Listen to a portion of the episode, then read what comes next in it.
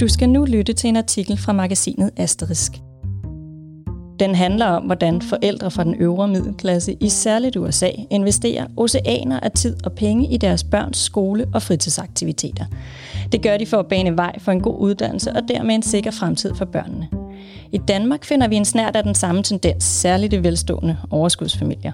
Spørgsmålet er, om det er for meget af det gode, eller om det simpelthen bare er blevet mere krævende at være forældre i dag. Artiklen er skrevet af mig, Mathilde Vejersø, og jeg er redaktør for Asterisk. Da den tyske økonomiprofessor Mathias Døbke boede i Los Angeles med sin amerikanske hustru, skulle de allerede, da deres barn var to år, tage stilling til, hvilken skole drengen skulle gå på.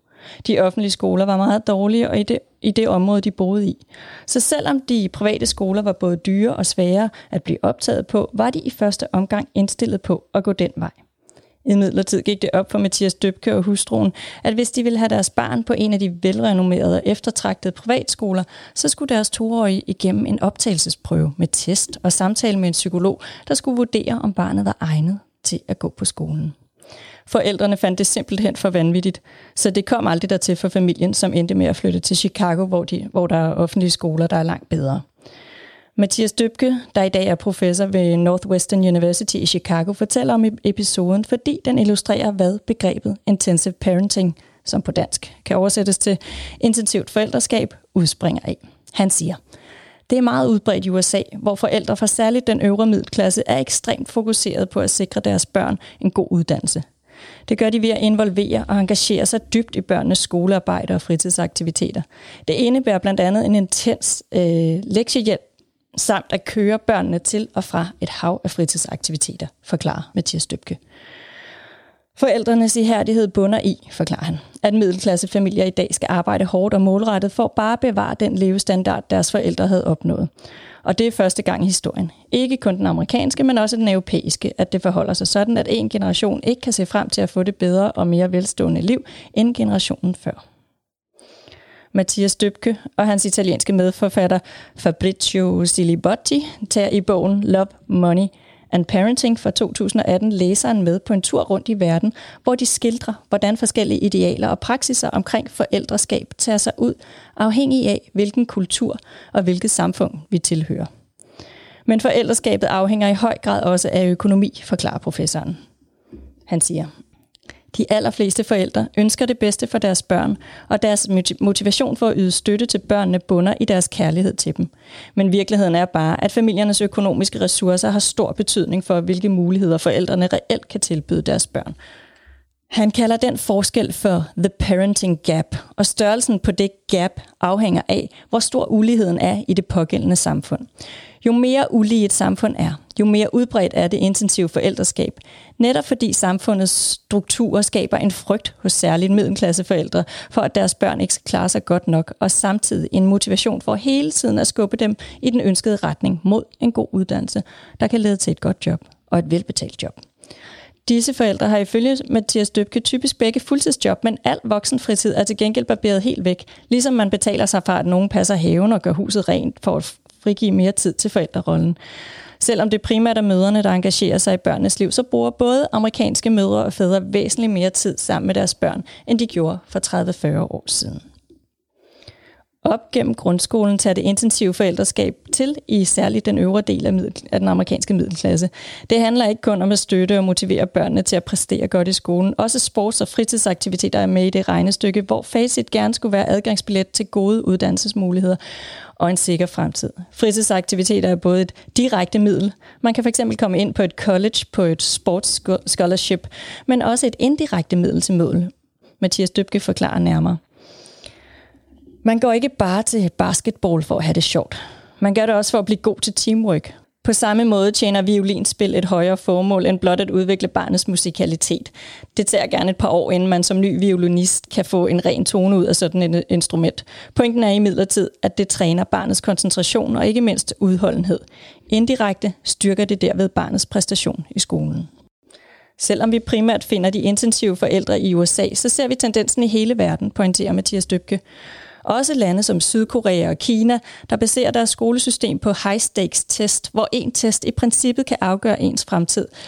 Fordi den, hvis man klarer sig godt, giver adgang til yderligere uddannelsesmuligheder, som trin for trin baner vejen til en lys øh, fremtid i form af et godt og velbetalt job.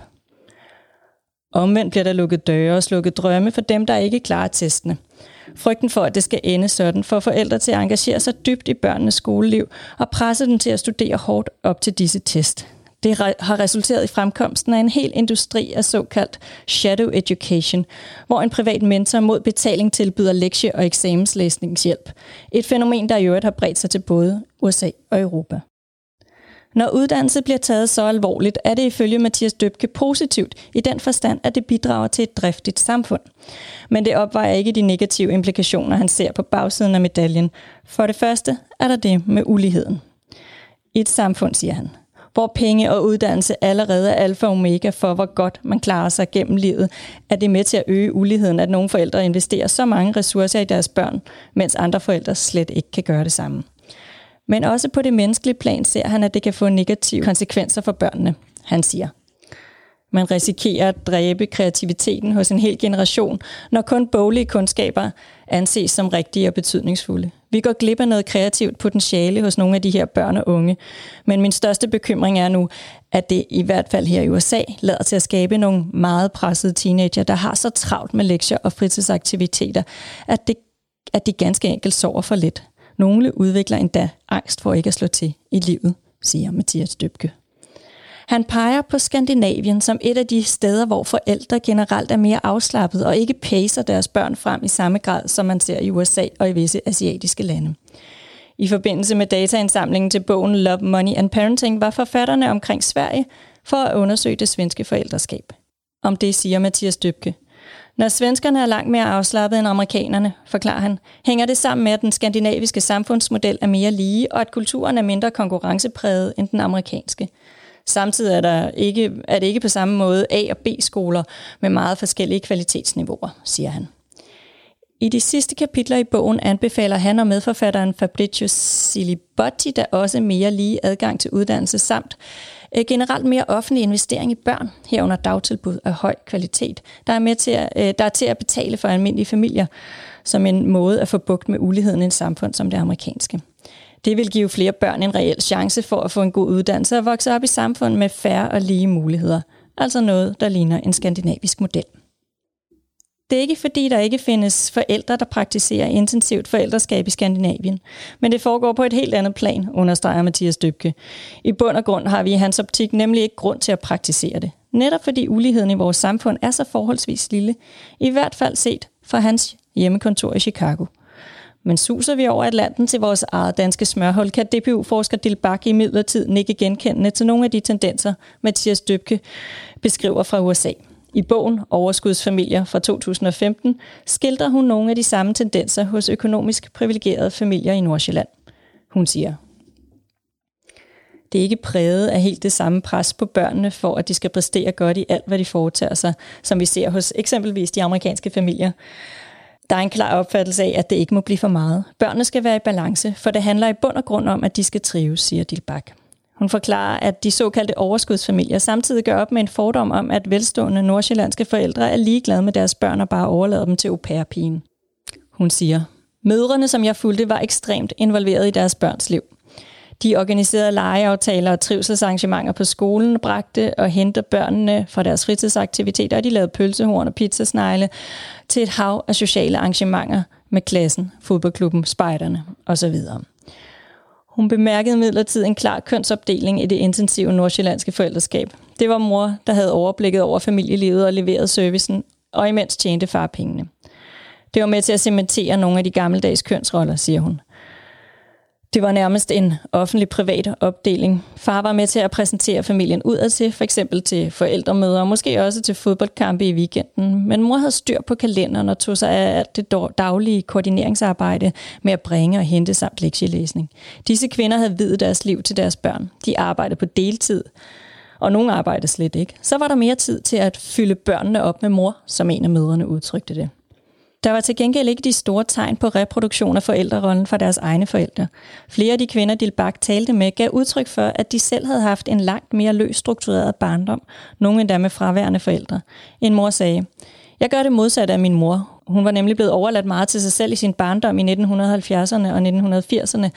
Sådan skulle hendes børn i hvert fald ikke opdrages. Men hun sagde selv, det bliver spændende at se, om mine børn så gør noget helt andet end mig, når de bliver forældre. Om de synes, at øh, jeg har været helt vildt omklamrende. Dilbach henter inspiration hos den amerikanske forsker Annette LaRoe, der har skrevet bogen Unequal Childhoods fra 2003. Særligt hendes begreb om samstemt kultivering, på engelsk hedder det concerted cultivation, spiller en væsentlig rolle i Dilbachs analyse af de nordsjællandske overskudsfamilier. Samstemt kultivering er et eksempel på intensivt forældreskab. Og når det hedder samstemt kultivering, er det fordi forældrene sammen med skole, institution og sports- og fritidsforeninger knokler for at, få barnet, for at barnet skal bevæge sig i den rigtige retning. Det står i modsætning til naturlig vækst, som er mindre voksen, en mindre voksenstyret opdragelsesform, der ikke konstant har fremtidige mål for øje. Dilbak forklarer nærmere. Naturlig vækst præger ifølge LaRoe arbejderklassens børn i USA. Dels fordi hverken det økonomiske eller det mentale overskud hos disse forældre rækker længere, men også på grund af helt andre opdragelsesidealer, end vi ser hos middelklassen og de øvre samfundslag, som er optaget af at kultivere en særlig udvikling hos deres børn, forklarer hun og fortsætter.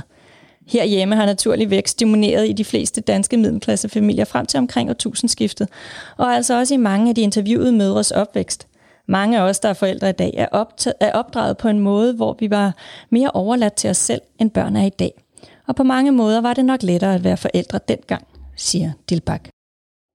Selvom overskudsfamilierne i udpræget grad holder til i velhaverkvartererne i Nordsjælland og i eksklusive bydele i storbyerne, er intensivt forældreskab en tendens, der siver ned gennem samfundslagene og i vid udstrækning forplanter sig hos danske forældre i disse år. Dog hænger graden af involvering i væsentlig grad sammen med forældrenes økonomi og uddannelsesbaggrund, påpeger Dilbak, der i forbindelse med et andet og nyere forskningsprojekt, der resulterede i bogen Parate Børn fra 2020, er stødt på en samstemt kultivering blandt forskellige sociale klasser og i flere dele af landet. Hun siger, jeg tror egentlig, at mange forældre genkender noget af det her. Man gør det for at få sine børn til at lykkes. Det har forældre måske altid ønsket for deres børn, men sammenlignet med tidligere opfatter vi det i dag i højere grad, opfatter vi i dag i højere grad vores børn som skrøbelige. Det sker ud fra en risikobevidsthed, der indebærer, at vores risikotænkning er gået fra, hvad vil sandsynligvis gå galt, til hvad vil muligvis gå galt. Men alt kan jo gå galt, muligvis. Men sandsynligvis er der ikke så meget, der vil gøre det, siger hun. Hvis vi går 30-40 år tilbage, så tænkte ansvarlige forældre måske, mm, det kan gå galt. Han kan falde ned og slå sig, eller hun kan ende med at ikke at bestå folkeskolens afgangseksamen, når hun ikke gider at lave lektier. Men det er ikke særlig sandsynligt. Og derfor var der ikke så, meget, var der ikke så stor grund til bekymring. I dag har forældrene blikket rettet mod risikoen. Det kan gå galt, der er en mulighed, og selvom den ikke er stor, så er den der, og det er rigelig grund til at bekymre sig. Og netop på grund af denne nye form for risikotænkning har moderne forældre gjort sig selv afhængige af eksperter i f.eks. børneopdragelse, mener Dilbak. Hun siger, mange forældre tør ikke længere stole på deres intuition. Man læser bøger og går til foredrag om alt fra børneopdragelse til ernæring. Samtidig er der en tendens til forældredeterminisme. Altså at det alene opfattes som forældrenes ansvar, at deres børn lykkes, på trods af at danske børn er i institution i 40 timer om ugen. Det er et pres, der blandt andet kommer fra børnehave og skole, som får moderne forældre til at se sig selv som fuldstændig afgørende for deres børns trivsel, såvel som for dets muligheder for at, at lykkes som mennesker. Hvor det i USA ifølge Mathias Døbke er mere implicit, at, at alle aktiviteter og anstrengelser tjener et eneste formål, nemlig at få børnene kvalificeret til en opstigning i uddannelsessystemet, så er det i Danmark langt mere uklart, hvad formålet med det intensive forældreskab egentlig er påpeger Dilbak. Men hun ser alligevel et interessant skifte, der trækker os i retning af de amerikanske familier. Hun siger, de tilsyneladende bløde værdier er blevet hårde. De tjener øh, nu et formål. Det børnene lærer til håndbold eller spejder, om at blive gode til at samarbejde og til at være gode kammerater. Det er jo færdigheder, man skal besidde for at klare en videregående uddannelse og senere få et godt job. Det er moderne forældre bevidste om på et helt andet plan end tidligere. Hun hæfter sig imidlertid ved, at det intensive forældreskab i dansk kontekst helst skal være lidt underspillet. Hun kalder det kontrolleret dekontrol. En tendens, der også gør sig gældende for mødre, der er mere eller mindre professionelt eksponerer deres familieliv på de sociale medier. Hun henviser her til nogle indsigter hos en af sine speciale studerende, som analyserer småbørnsmødre, der poster billeder på Instagram af sund hjemmelavet børnemad og glade børn, der spiser. Det skal endelig ikke virke af for meget, siger Dilbak. De vil ikke fremstå for overskudsagtige, for perfekte eller for køling. De vil gerne fremstå afslappet. Men de er alligevel meget bevidste om det, om det, de laver offentligheden se.